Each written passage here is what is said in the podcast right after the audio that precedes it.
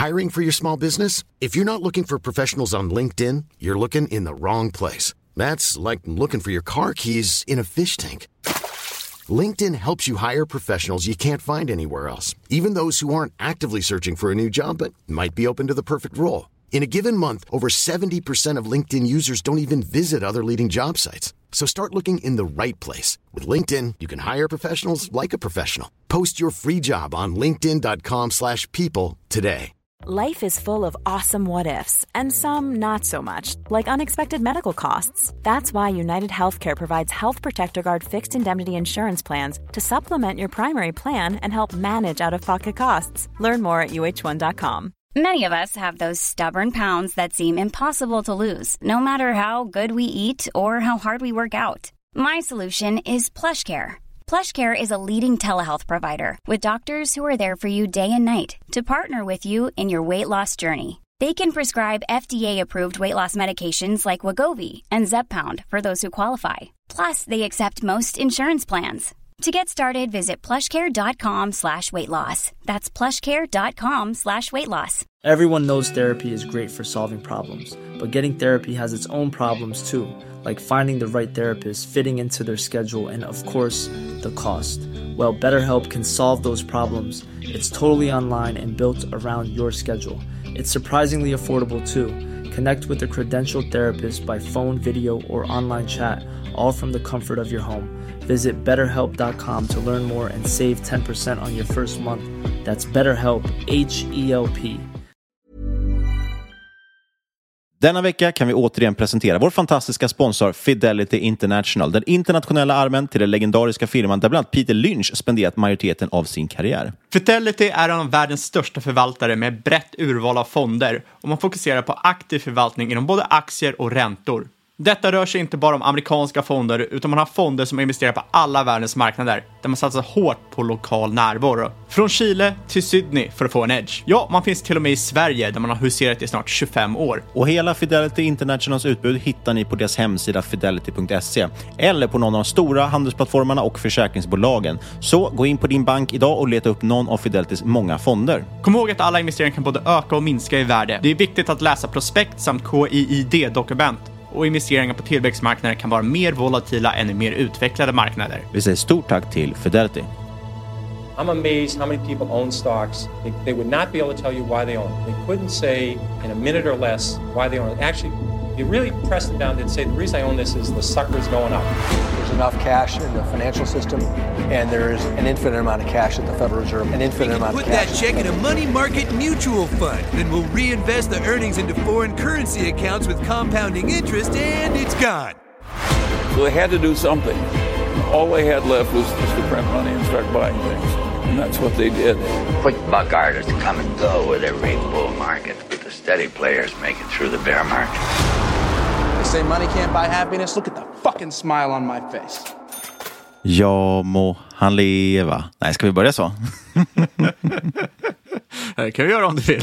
Hej och välkommen till ett nytt avsnitt av Market Makers med mig Niklas och Birthday Boy Fabian. Igår i alla fall fyllde år. Jajamensan, en dag för sent, men det är väl bättre än ingen dag. Ja, när det här ges ut så är det tre dagar för sent. Ja, ja, för fan. Men ni kan gratta mig på e-mail och Twitter och såklart swisha mig som vanligt.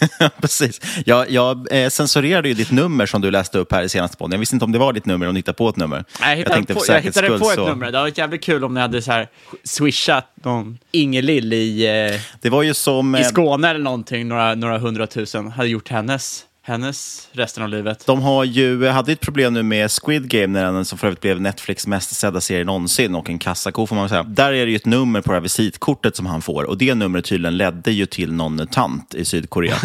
Eh, så det. de fick ju ändra, tror jag, som jag förstått i efterhand i serien, med CGI liksom och redigera om det där numret. Aha, poor, poor girl. Ja, verkligen.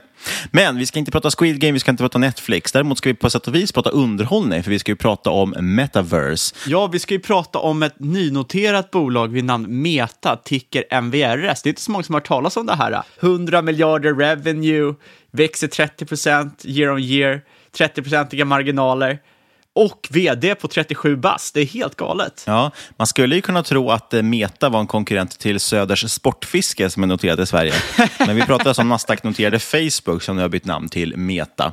Eh, och vi kommer väl också in och toucha lite grann på Microsoft som också då gick ut och sa att de har en satsning på metaverse. Ja, det känns ju nu som alla bolag, det, det känns lite som blockchain 2017, alla bolag ska satsa på metaverse nu. Det är det nya heta. Det är allt från Microsoft till Adobe till, eh, ja, inte vet jag, men alla bolag jag läser om i stort sett har ju någonting med metaverse i sig. Eller lite som dotcom eh, i, under millennieskiftet där, när alla skulle ha dotcom ja. i bolagsnamnet. Ex exakt. Helt galet. Men som vanligt så är det ingen rådgivning eller rekommendation vi på med. Vi berättar om vår process, hur vi tänker, gör alltid din egen analys och glöm aldrig att alla investeringar är förknippade med risk. Nu kör vi igång. Den här veckan är vi sponsrade av forsknings och utvecklingsbolaget Nataro Labs, specialister på bekämpning av vägglöss. De ska lista sig nu på Spotlight Stock Market. I samband med notering genomförs en spridningsemission där allmänheten erbjuds så kallade units, aktie plus option. Emissionen är på 15 miljoner SEK och ska användas för att skala upp försäljningarna av bolags patenterade produkter. Och Nataro Labs de fokuserat på innovativa produkter och hållbara lösningar för att bekämpa det globalt växande problemet med vägglöss. Det är inga trevliga grejer. Det känner ju du till Fabian, du som bor i London. Jag har faktiskt aldrig varit drabbad av vägglöss, vilket, jag, vilket är jäkligt tur. Det är en av mina största skräcker. Jag har bara hört att det är nästan helt omöjligt att bli av med. Ja, men det verkar dock funka med Nataro Labs produkter. De sägs ha en hög verkningsgrad. Enligt ett flertal parter har man också erkänt bolagets egenutvecklade doftbete som marknadsledande. Eh, Nataro Scout, bolagets fälla med det patenterade doftbetet i, har visat sig vara mer effektiv än konkurrenterna på att locka till sig vägglöss. Marknaden för professionell bekämpning av vägglöss uppskattas omsätta 13 miljarder kronor under 2020 och har en prognostiserad årlig tillväxt om 7,6 procent. Framförallt så har företaget redan etablerat försäljning. I Sverige har till exempel Anticimex utvärderat Nataro Scout i fält och valt att ta in det i sitt vägglusarbete. Teckningsperioden pågår mellan 8 till 19 november och du tecknar dig som vanligt hos din nätmäklare. Vi säger stort tack till Nataro Labs. Och äntligen är de tillbaks. Best Secret, det hemliga mordet paradiset sponsras den här veckan. Och där kan man ju förstås handla exklusiva varumärken till 20-80% rabatt. Och det handlar om över 3000 välkända och exklusiva märken som ni alla känner igen. Och det finns grejer för män, kvinnor och barn och dessutom en hel del inredning, accessoarer och väskor. Kolla till exempel in en ny schysst väska för vinterns skidåkning, eller varför inte se till att skaffa dig en riktigt varm härlig vinterjacka, skidbyxor eller skidjacka från till exempel Peak Performance. Ja, och idag när den här podden släpps, alltså 11.11, som för övrigt är Singles Day, så har man ett stort släpp där man bland annat släpper massor med kläder, jackor med mer till höstpromenader och höstvädret. Där har man upp till 70% rabatt i det här släppet, med fina dunjackor och sånt. Vi är verkligen superglada över att ha tillbaka Best Secret som partner igen, då är det en produkt vi själva nyttjar och verkligen gillar.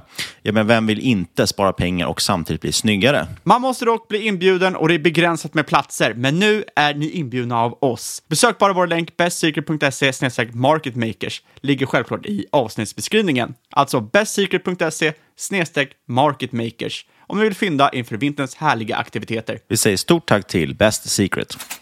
Okej då, Facebook gick ut med att man skulle byta namn. Det gick mycket rykten om vad man skulle döpa om det här moderbolaget till och många gissade faktiskt på Meta eller Metaverse och så. Det visade sig ju vara det som stämde. Det är precis samma grej som när Google bytte namn på sitt moderbolag till Alphabet. De gjorde det ett försök att liksom men visa att de är större än bara Google sökmotorn. Så att Google finns ju fortfarande kvar. Sökmotorn heter fortfarande Google och bolag heter Google. Men moderbolaget som äger allt det här heter Alphabet och de äger även YouTube och så vidare. Och Det är egentligen samma sak med, med Facebook. Men Facebook äger ju Facebook, men de äger också Instagram, WhatsApp och så vidare.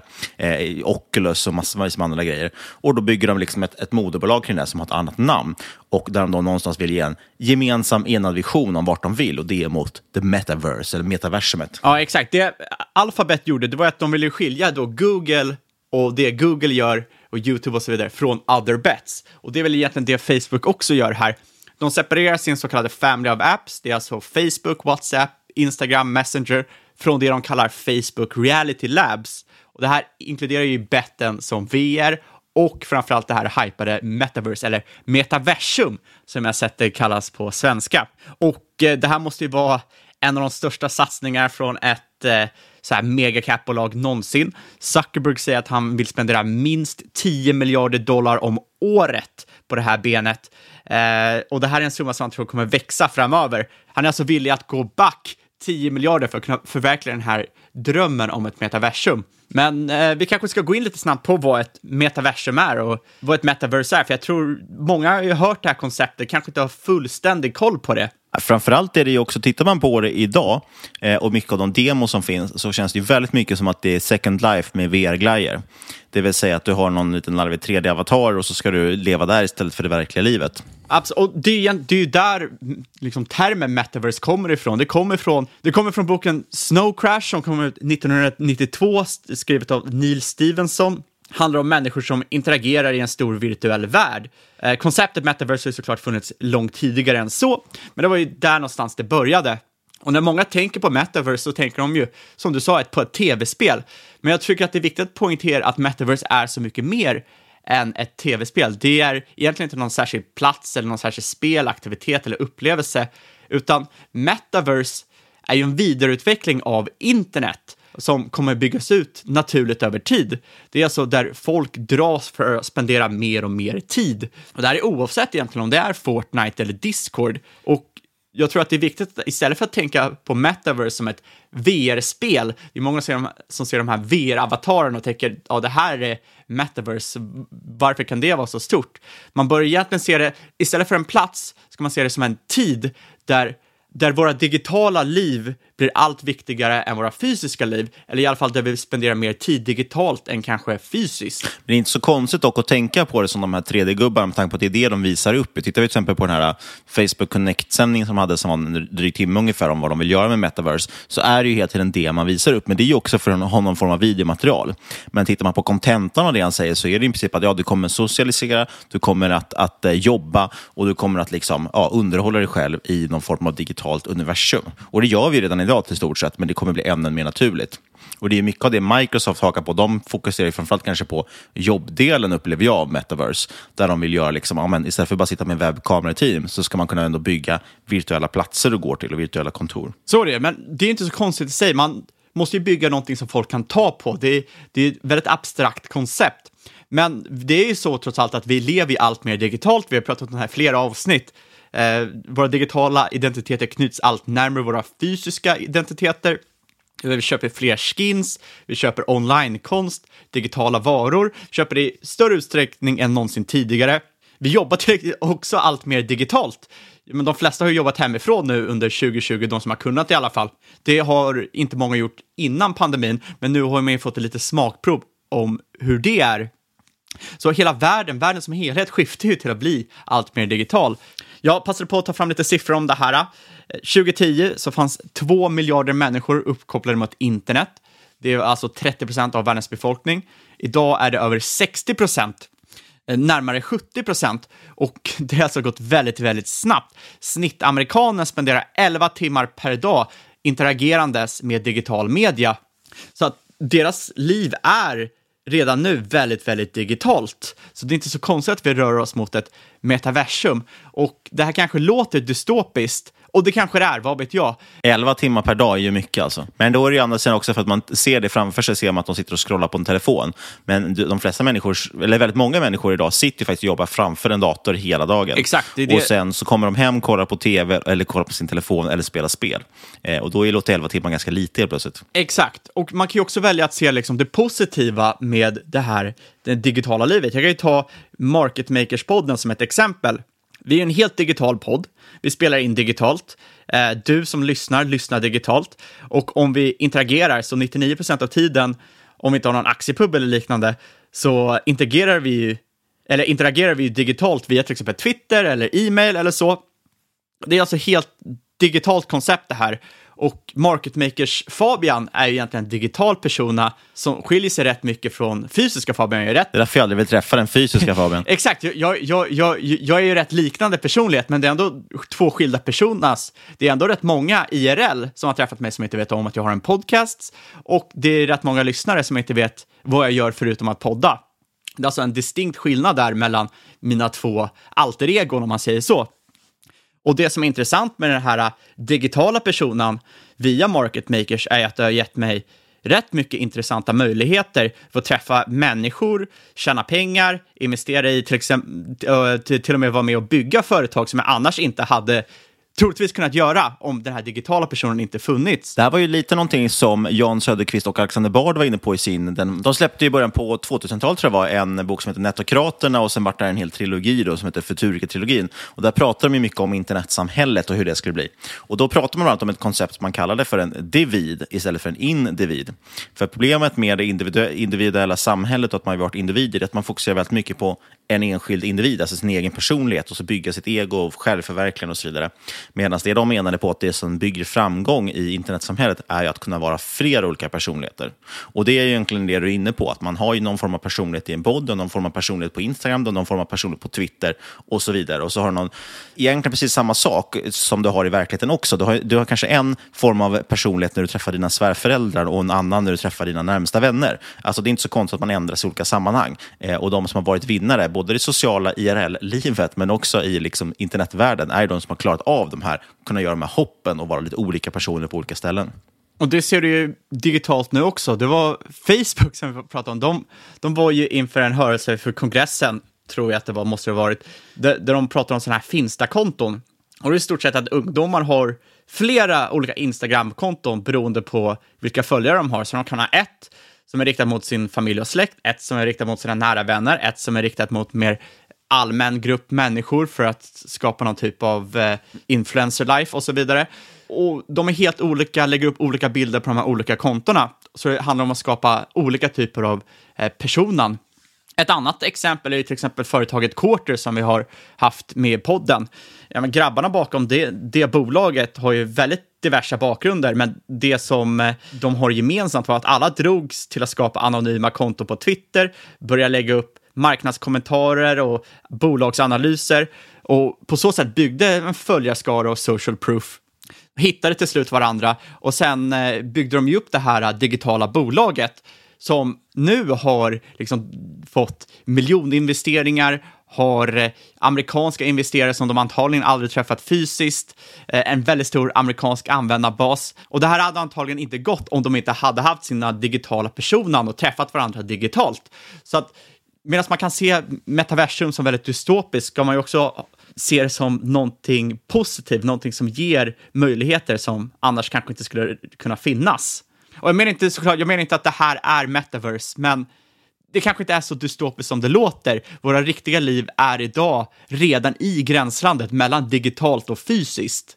Och så för att komma tillbaka till Facebook då, det de vill göra egentligen, de vill ju börja bygga på hela den här stacken för att kunna skapa ett metaverse. De vill ju bygga hårdvaran. De köpte till exempel Oculus 2014. De vill ju också bygga mjukvaran. Oculus är ju ett VR-headset för de som inte vet det. Exakt. Eh, men problemet som Facebook tidigare har haft med till exempel VR är, är att de har haft väldigt svårt att få det mainstream. För VR är lite, det är lite som att kolla på film. Du måste ju dedikera dina fåtala timmar om dagen för att använda VR. Ska du använda VR måste du tänka, ah, nu ska jag åsidosätta en, två, tre timmar för att gå in i VR, använda det här som att kolla på en film eller spela spel. Och det gör ju att alternativkostnaden här är rätt hög. Jämför du då med till exempel en mobiltelefon. De flesta sitter inte och dedikerar timmar om dagen medvetet att använda mobilen, utan den kommer ju upp när du har tid. Fem minuter här, tio minuter där, 15 minuter där och den tiden adderas ju ihop över dagen och blir rätt många timmar. Och därför många har varit väldigt bullish mot, för till exempel AR jämfört med VR, eftersom det är ju mer av ett komplement likt mobilen. Det följer med dig oavsett vart du tar vägen, var du går, vad du håller på med eller vilken aktivitet du gör. Jag vill bara backa här ett steg ändå och förklara några grundläggande grejer här som du slänger ur dig. Ibland du pratar om att man vill bygga den här stacken. Det man pratar om att de vill ju egentligen bygga någon form av eh, om egentligen infrastrukturen bakom. Om man pratar om stack, de vill liksom bygga egentligen verktygen för att kunna bygga det här metaversumet. Eh, och det handlar ju till exempel om ett, ett gäng olika API och utvecklingsverktyg för att liksom brygga det digitala och verkliga. Eh, och Det kan till exempel handla om, om AR, alltså augmented reality. Det är ju när man till exempel tar upp sin telefon, du tar upp igång Snapchat eller Instagram och har ett roligt filter som förändrar ditt ansikte. Det är en form av AR. Alltså du förändrar och gör någonting i verkligheten genom en kameralins på något sätt. Här har ju till exempel Facebook del som har byggt vissa verktyg kring det här. Apple är också inne på sitt AR-kit som är jättestort. Eh, och sen är det VR, virtual reality, då sätter du faktiskt på ett par glasögon eh, med två skärmar egentligen, så du ser ju bara den världen överhuvudtaget. Men de bygger ju olika typer, av dels liksom infrastrukturen, dels hårdvaran, men också mjukvaran för att få det att funka. Sen pumpar de också in massor med pengar för att skapa innehåll i det här, för att folk också faktiskt ska vilja använda grejerna. Så de vill ju någon form av, bli någon form av, eh, precis som Google blir liksom porten till internet, så vill ju Meta eller Facebook bygga egentligen infrastrukturen och hårdvaran och mjukvaran för att man ska kunna bygga och nå metaversumet, så att de ska kunna äga det. Liksom. Ja, och eh, en anledning till varför Facebook vill göra det här, eller en trolig anledning, är ju för att just nu så har de ju lite problem med sina plattformar i och med det att de äger ju inte slutanvändaren. Det äger ju till exempel Google och Apple. För när hur, hur kommer användaren in på Facebook eller Instagram? Jo, de går ju till exempel vill se en iPhone och ja, då kan ju då äger i stort sett Apple vägen till Facebook. Och det är väldigt kraftfullt för Apple som vi till exempel sett nu när de har ändrat i sina sina ad policies som har påverkat både Facebook men i stort sett alla andra plattformar som är beroende av ads. Precis, och det de har gjort där, de, förut var man ju tvungen att eh, opt-out, var tvungen att välja bort att du skulle bli spårad mellan olika appar och så, men Facebook, eller, Apple har ju vänt på det och sagt att det är tvärtom, det är en opt-in, att du måste aktivt välja att vilja bli trackad mellan plattformar. Och det är inte så många som väljer att vilja bli det, av förklarliga skäl. Och nu med att de vill bygga den här stacken så vill de inte bara fokusera på VR. De vill ju att du ska kunna komma in i metaverse var som helst. De, det ska vara telefon, dator, AR, VR. Och de har ju fått lite hjälp på vägen här under 2020 tack vare pandemin faktiskt. För det är så att det har ju lett till att allt fler har börjat leva digitala liv. För vad innebär det egentligen att till exempel jobba hemifrån? Jo, det innebär ju egentligen att du jobbar digitalt. Du behöver inte åka till en fysisk plats, ta fysiska möten och eh, prata fysiskt. Du kan till exempel koppla upp det med Zoom. Det har ju såklart både fördelar och nackdelar, men fördelen är ju att ja, dels så kan du jobba vart du vill ifrån, men för andra så innebär det ju att du har helt andra sätt att kommunicera på än vad du tidigare haft. Ett exempel är till exempel att du kan ha sidochattar medan någon pratar på Zoom. Det innebär ju alltså att du kan sitta och diskutera vad som vad den här talaren pratar om utan att faktiskt störa talaren. Och sen så har man sett till exempel allt fler använder Peloton, den här hemmacykeln, där du har en digital coach. Det blir alltså mycket, har blivit mycket vanligare med den här digitala interaktionen, även för folk som kanske tidigare levde mer fysiskt än digitalt. Ja, Peloton, de här träningscyklarna som för övrigt kraschade, det var väl 25 procent, eller om de 30 procent den aktien häromdagen på eh, troligtvis sänkt guidance. Jag har inte kollat så noga på den rapporten, men det kan ju tilläggas också, det är också någonting man lyfter upp. Just fitness och sådana saker tror man ju, eller träning, ska ju flytta in också liksom en metaverse. Peloton är ett klockrent exempel på det som har blivit väldigt stort, men man kan göra på massvis som man har sett. Jag såg bland annat att Facebook utvecklar olika typer av om handkontroller, eller så kallar det för, som på olika sätt ska kunna göra att du anstränger dig. Låt säga att du kan då skaffa till exempel en, inte en virtuell, men någon form av handkontroll som påminner. Det kan väl vara något rep eller någonting man drar i som ökar belastningen och så vidare, så att du kan simulera i din eh, träning virtuellt att du faktiskt tränar också. Ja, eh, försteget är ju liksom, istället för att gå på ett yogapass, kolla yoga-tutorials på YouTube, det, det, är ju väldigt många som tycker att det är mer smidigt än att de ska bara boka ett pass, betala mycket pengar, gå dit, komma hem, duscha och så vidare istället för att bara köra i sitt vardagsrum. En stor fråga när det kommer till metaversumet är, kommer det vara öppet eller kommer det vara stängt? Och i stort sett betyder ett stängt ekosystem att ett företag äger hela metaversumet, medan ett öppet, ja, då är det decentraliserat och i stort sett att det finns många flera spelare som är med och bygger upp det här stora ekosystemet. Och eh, det finns ett väldigt bra citat från eh, eh Epic Games vd Tim Sweeney. Och han menar att metaversum kommer bli det mest kraftfulla som någonsin skapats i våran tid. Och om det är ett bolag som äger metaversum så kommer det vara det mest kraftfulla, det största bolaget som någonsin har funnits. För de kommer äga så mycket av vår tid och så mycket av våra resurser. Därför anser han att enda vägen framåt är att man har ett öppet ekosystem för metaversum.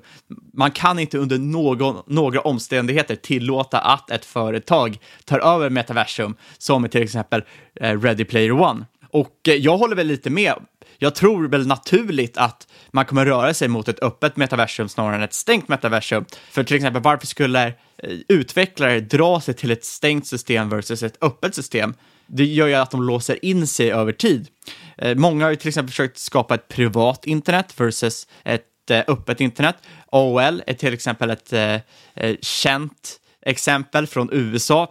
De misslyckades rätt hårt. I slutändan segrar ju då det öppna internetet. Och jag tycker att det är viktigt att påpeka här när man lyssnar på Zuckerberg och läser intervjuer med honom senare, att han tror ju själv på ett öppet metaverse. Han tror ju att det ska vara ett eh, öppet peer-to-peer-nätverk det handlar om. Och han tror heller inte att det kommer uppstå flera metaverses som många har pratat om. Det är många som pratar om att ah, Facebook kommer att ha metaverse och Google kommer att ha ett metaverse och Microsoft kommer att ha ett metaverse. Men han tycker att det här det är lite som att prata om att det finns flera olika mobila internet. Att när du googlar på Google så är du på Googles internet och när du är inne på Facebook är du på Facebooks internet. Och det är såklart inte sant, alla använder samma internet. Det är bara olika plattformar på internet. Och det Zuckerberg vill göra, det är att bygga infrastrukturen, bygga komponenterna, han vill bygga hårdvaran eh, som VR och AR och han vill vara med och ta fram nya virtuella varor och nya ekonomier för att bygga upp och vara en del av det här metaversumets BNP.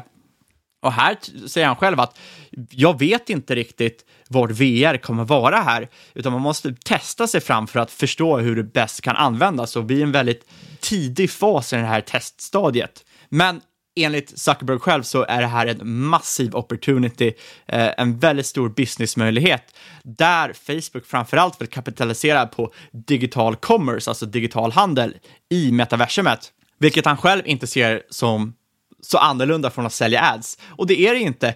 Deras ad-plattform är ju i stort sett bara en handelsplats för säljare och köpare av digitala varor och i det här fallet är den digitala varan marknadsföring på Facebooks plattformar. Framförallt, och det här tycker jag är väldigt intressant också, är att han lägger väldigt mycket fokus på att det inte alltid finns ett klockrent business case up front. Han kan inte eh, kvantifiera liksom, vad de framtida intäkterna kommer vara från metaversumet eller exakt vad som kommer att hända. Men han har varit med om det med flera ben tidigare i Facebook, att det var inte helt självklart vad som skulle hända med Instagram när de köpte det. Men det här utvecklas över tid och blir allt mer uppenbart över tid. Nej, precis. För intäkterna kommer ju knappast komma på att de säljer Oculus eh, headset. Det har de antagligen förlorat ganska mycket pengar på.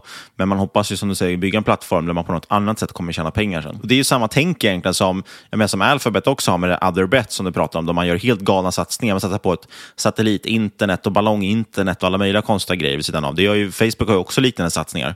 Eh, och det är för att man tror att då kanske man når nya kunder till exempel den vägen som man tjänar pengar på. Och man har ju råd att göra det här med de vinstmarginaler de har. Ja, så, som vanligt så tycker jag att folk har varit relativt orättvisa mot Zuckerberg här. Många som har verkligen gått hårt ut mot att han har snott metaverse-konceptet och han har stämplat det som Facebooks. Men alltså rättvist så, han, han har en rätt, i alla, i alla fall vad han säger, en rätt eh, nykter syn på det hela, att de kommer inte kunna äga hela, de vill bara vara med och bygga upp det. Och eh, ja, framförallt så anser han ju att eh, som sagt, det här är en vidareutveckling av internet, men att man behöver bygga ett ekosystem där en stor del av människorna har en stake i ekosystemet. Det ska inte bara vara en produkt som de tycker om, de ska också kunna gynnas av det ekonomiskt. Och det här innebär ju till exempel att creator economy kommer bli allt större framöver. För han vill inte heller ha eh, ett metaverse likt det i Ready Player One, som är så kallad consumption only, där folk kopplar upp sig, sen bedriver de sin tid och liksom eh, bara är där inne, utan han vill ju att både konsumenter och skapare ska frodas och utvecklas tillsammans, nästan som att alla som är inne och konsumerar metaverse ska också vara med och bygga upp det. Och det här innebär ju i stort att Meta, alltså bolaget Meta, behöver disrupta sig själva och Facebook som helhet. Det är nästan så det luktar lite blockchain här och kryptovalutor, kan man tycka. Ja, men eh, det gör det ju för att majoriteten som pratar om metaverse och ett öppet metaverse, de tror ju på decentraliseringen och det är det krypto är. Och det är ju väldigt många inom krypto som nu satsar på metaverset och har gjort det ett tag. Jo, framförallt ska man ska bygga en skaparekonomi, liksom, där skapare av olika saker tjänar pengar på något sätt och att de som är med i det tjänar pengar, så är ju liksom digitala tokens ett ganska bra sätt att fördela värdet. Uh, verkligen. Men som sagt, eh, det finns ju otroligt många potentiella konkurrenter just nu. Som vi sa, eh, i stort sett alla företag just nu säger att de vill vara med och bygga upp metaverse. Det är allt från Apple, Microsoft, Google till eh, eh, de här decentraliserade protokollen som jag personligen tror mer på. Kolla till exempel på ethereum, alla appar som byggs där på, eh, Decentraland och så vidare som är någon typ av förstadie till vad metaverse eventuellt kan bli. Och här handlar det om den här interoperabiliteten mellan kedjor, eh, olika appar, olika plattformar och olika ställen att kongregera och vara social och skapa saker. Sen bara för att koppla tillbaka till det du sa med att folk har varit hårda mot Zuckerberg, det är de ju alltid å andra sidan. Han har ju ett extremt dåligt rykte, framförallt efter Social Network-filmen. Ofta är det dock ganska oförtjänt med tanke på att han, som, sagt, som du säger, om man lyssnar faktiskt på vad han säger så säger han ofta ganska vettiga grejer och verkar vara en rätt tänkande person, så ödmjuk person överlag. Eh, men han eh, framstår som bra. Jag tror också att han gör lite faktiskt en otjänst ibland att själv vara den som drar alla sina keynotes och presentationer, för han är ju extremt styltig och, och, och rätt dålig presentatör. Eh, och framförallt den, den delen i den här Connect-videon när de pratar om gaming, eh, så var det han och någon, någon utvecklare, som, eller som chef för det området, eh, som var extremt cringe. Och många som, som kopplade sa att Åh, vilka bra robotar de har tagit fram på Facebook. Eh, för det kändes mer som två robotar som lärt sig prata än, än två verkliga människor. Nej, men äh, absolut. Det är många företag, så, där har ju grunderna distanserat sig lite från företagen de har skapat. Går det ut på stan så är det nog rätt få som kan säga vilka Googles grundare var. Eh, men eh, allt fler kan, vet ju vem Facebooks grundare är och det gör ju att han blir ju en prime target för hatet mot big tech.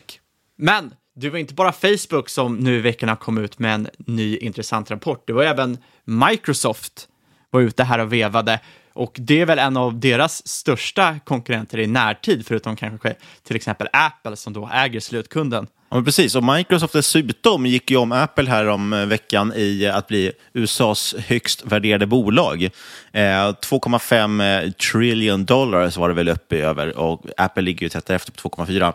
Facebook för övrigt har ju inte sprängt den där gränsen på en triljon, eller en biljon då, förlåt, på svenska än. De ligger på 900 någonting tror jag. Eh, det kändes dock som att det Microsoft gjorde ganska mycket. Deras metaverse de pratade om fokuserade ju framförallt på möten. Det kändes som det var väldigt mycket att, okej, okay, men har Teams-möten i ett år. Hur kan vi vidareutveckla på något sätt? Och du har mycket fokus på 3D-avatarer. Även då till exempel att man, ja, men man kanske inte vill ha kameran igång i ett möte, då kan man låta då en, en 3D-avatar agera liksom, eh, ställföreträdare åt dig även i 2D-möten. Det som är lite coolt är att man använder AI då för att eh, animera även läpprörelser och sånt. Och det såg jag även att Facebook jobbar med. Och de jobbar ju även på Facebook med att ta fram hyperrealistiska 3D-avatarer som är betydligt coolare än de här liksom, nästan tecknade figurerna de använder. Eh, så att Microsoft kommer då använda AI egentligen för att simulera eller animera din, din avatar och då kommer det se ut som att du är med i mötet. Och sen dessutom är ju tanken på sikt att introducera Microsoft Mesh som man pratade om. Och då kanske man använder VR-glasögon eller deras HoloLens med ett par AR-glasögon Eh, så att du kan ta till exempel ett digitalt mötesrum. Eh, och Det här vet jag att redan Accenture har provat. De har varit en form av demokund på det här. Eh, och de man tycker det funkar väldigt bra. Framförallt när det gäller just att introducera nya kollegor och så vidare. När alla jobbar hemifrån så blir det liksom svårt att ta sig till kontor, men man saknar den här känslan att kunna mötas och snacka vid kaffemaskinen och så vidare. Eh, så det är ett coolt koncept ändå eh, och jag förstår var det kommer ifrån, men eh, man ser vissa svagheter i det också när folk kanske mer och mer börjar jobba på kontoret igen. Så finns inte riktigt samma typ av eh, behov av det. Men sen finns det också mycket företag som är helt remote, där det är väldigt intressant. Och det blir absolut mer jag, jag, tror att man ser det utifrån, man ser det på en, en, en platt skärm liksom, och ser de här små avatarerna så ser det inte så coolt ut. Men jag tror ändå, sitter du där med VR-glasögon på och du är i, virtuellt i det rummet, alltså, har man testat VR så vet man att man blir mycket mer insugen i det än vad man tror, även om grafiken är dålig. Så jag tror ändå att det faktiskt ger en väldigt stark närvarokänsla. Ja, det... det kan vara lite deppigt, det är när man tar av sig den där mellan mötena och inser att man sitter där i kalsonger liksom, inte har ställt lägenheten på två dagar. Ja, alltså man, man kan ju ställa sig frågan, varför dras folk till liksom en digital värld. Ja, vi pratade ju om Roblox för några avsnitt sen tänkte jag säga, men det kanske var uppemot ett halvår sedan, där folk köpte digitala Gucci-handväskor som kostade riktig, eh, lika mycket som riktiga handväskor. Och det finns såklart flera anledningar till det här, men en av anledningarna kallas för Proteus-effekten. Och det är rätt intressant. Det är ett fenomen där vårt beteende i virtuella världar påverkas av karaktäristiken som våra avatarer har vi, vi beter oss helt enkelt som vi ser oss själva. Och har vi mer attraktiva avatarer, ja då är vi mer utåtriktade. Har vi starkare avatarer är vi mer självsäkra och så vidare. Och vad som är rätt intressant här är att den här effekten eh, tenderar att stanna kvar även när vi loggar ut. Så är vi inloggade tillräckligt mycket, som till exempel en stor och stark krigare, ja, då blir vi mer självsäkra IRL efter det också. Och eh, då kanske det inte är så konstigt att se att många föredrar en digital värld där de, kan, där de till exempel kan uppfinna sig själva på nytt eller helt enkelt eh, bortse från de begränsningar de har i verkliga livet just nu.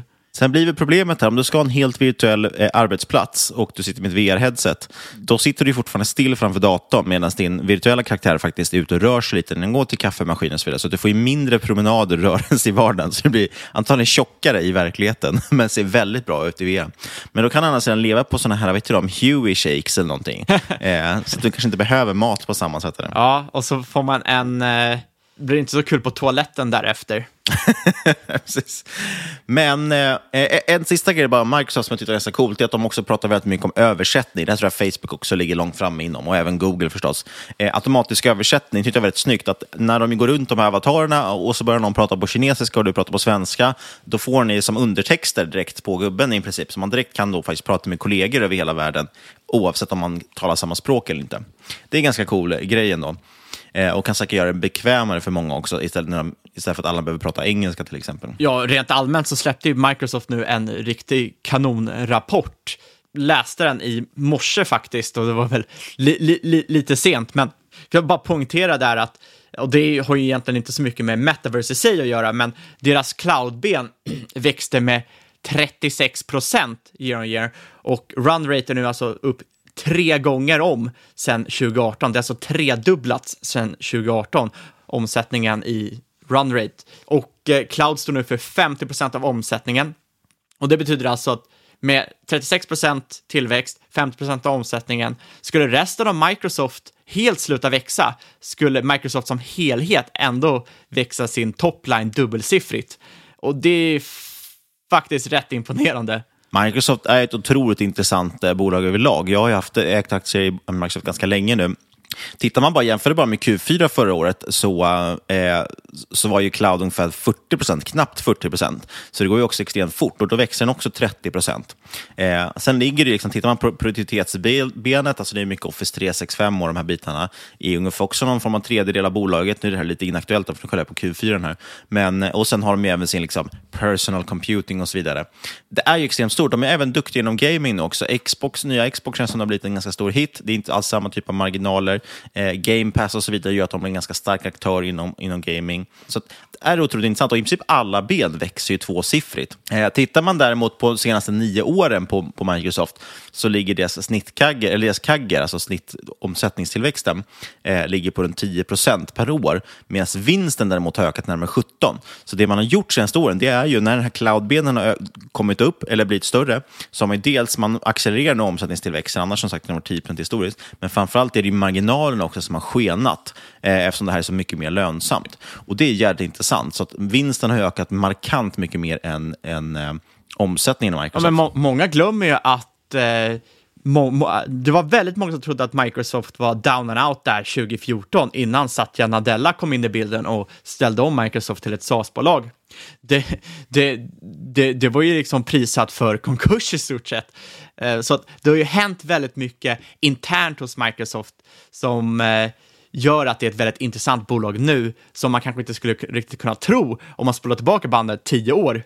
Och man kanske ska jämföra det här med Facebook. Ja, på grund av den här ändringen då som Apple gjorde, som jag nämnde tidigare i avsnittet, så kommer impact på Q3 vara att man sänker Kommer, alltså omsättningen kommer sänkas med cirka 10 till 15 procent och eh, framöver kommer det här ha en long term impact på mellan 3 till 7 procent. Och det är eh, rätt stor effekt av en liten ändring på iPhone och hur de tar emot Eh, Eh, och hur de hanterar data som påverkar ett av världens stora bo eh, största bolag.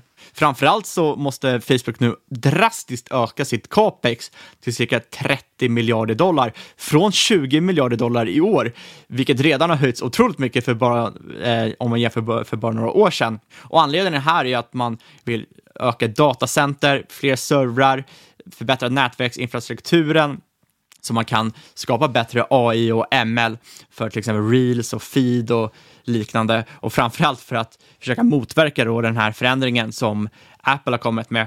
Precis, för det man kan göra lite grann fortfarande det är att spåra internt mellan Facebook-appar. Där har ju Facebook en, en styrka att de äger så många appar och många viktiga appar, så de kan fortfarande göra viss spårning och du kan fortfarande göra viss spårning på, på gruppnivå och sådär. Men det blir svårare att tracka dem utanför deras egna appar. Exakt, så för, för Facebook är ju den här metaverse-satsningen nu A och O. De tror ju verkligen att det här är vägen framåt, få in nya produkter och framförallt få in en ny eh, liksom, omsättningskanal. Men de förväntas ju spenderas otroligt mycket pengar.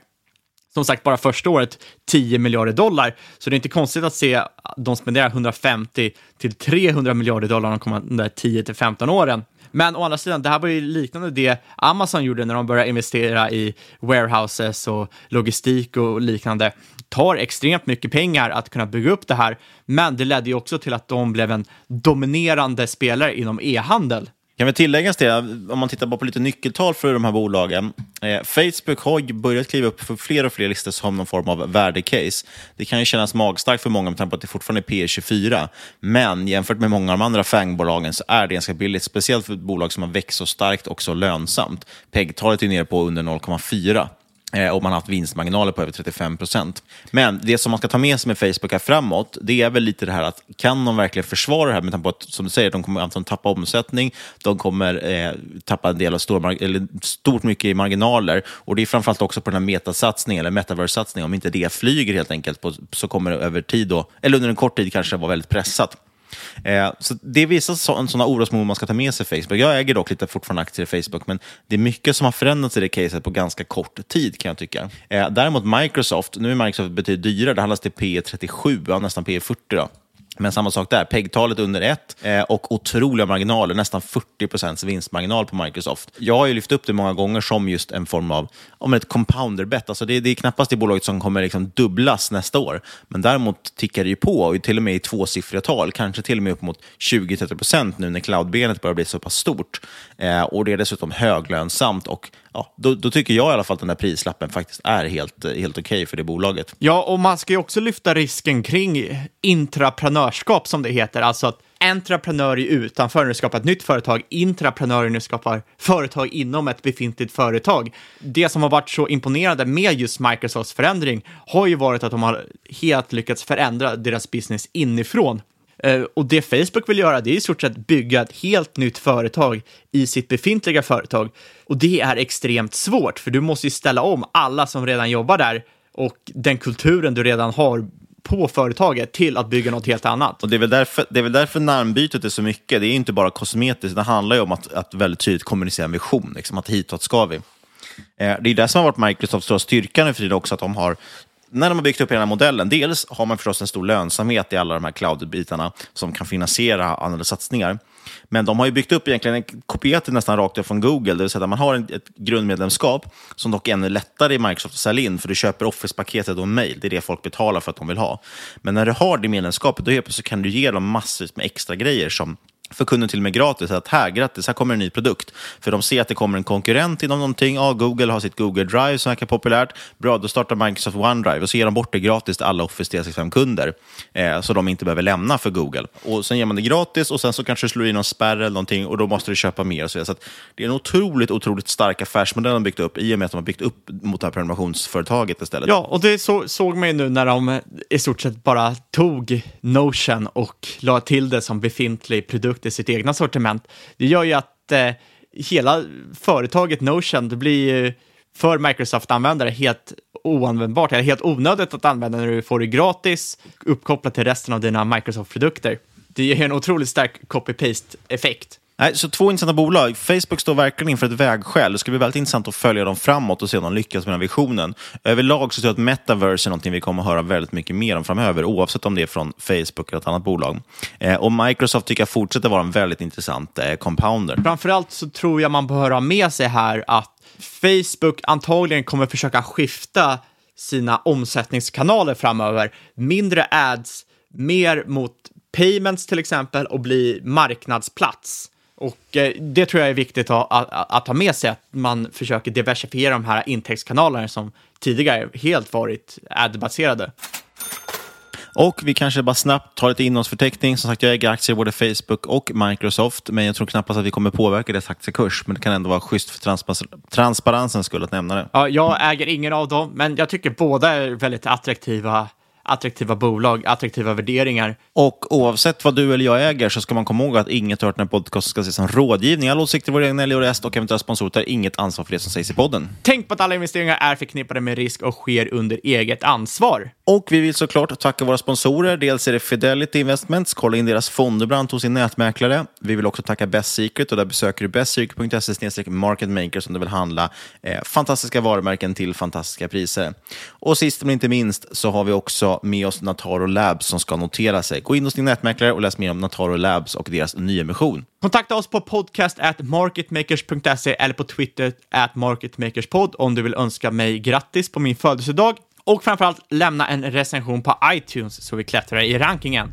Och sist, men absolut inte minst, stort tack för att du har lyssnat, kära lyssnare. Vi hörs igen om en vecka.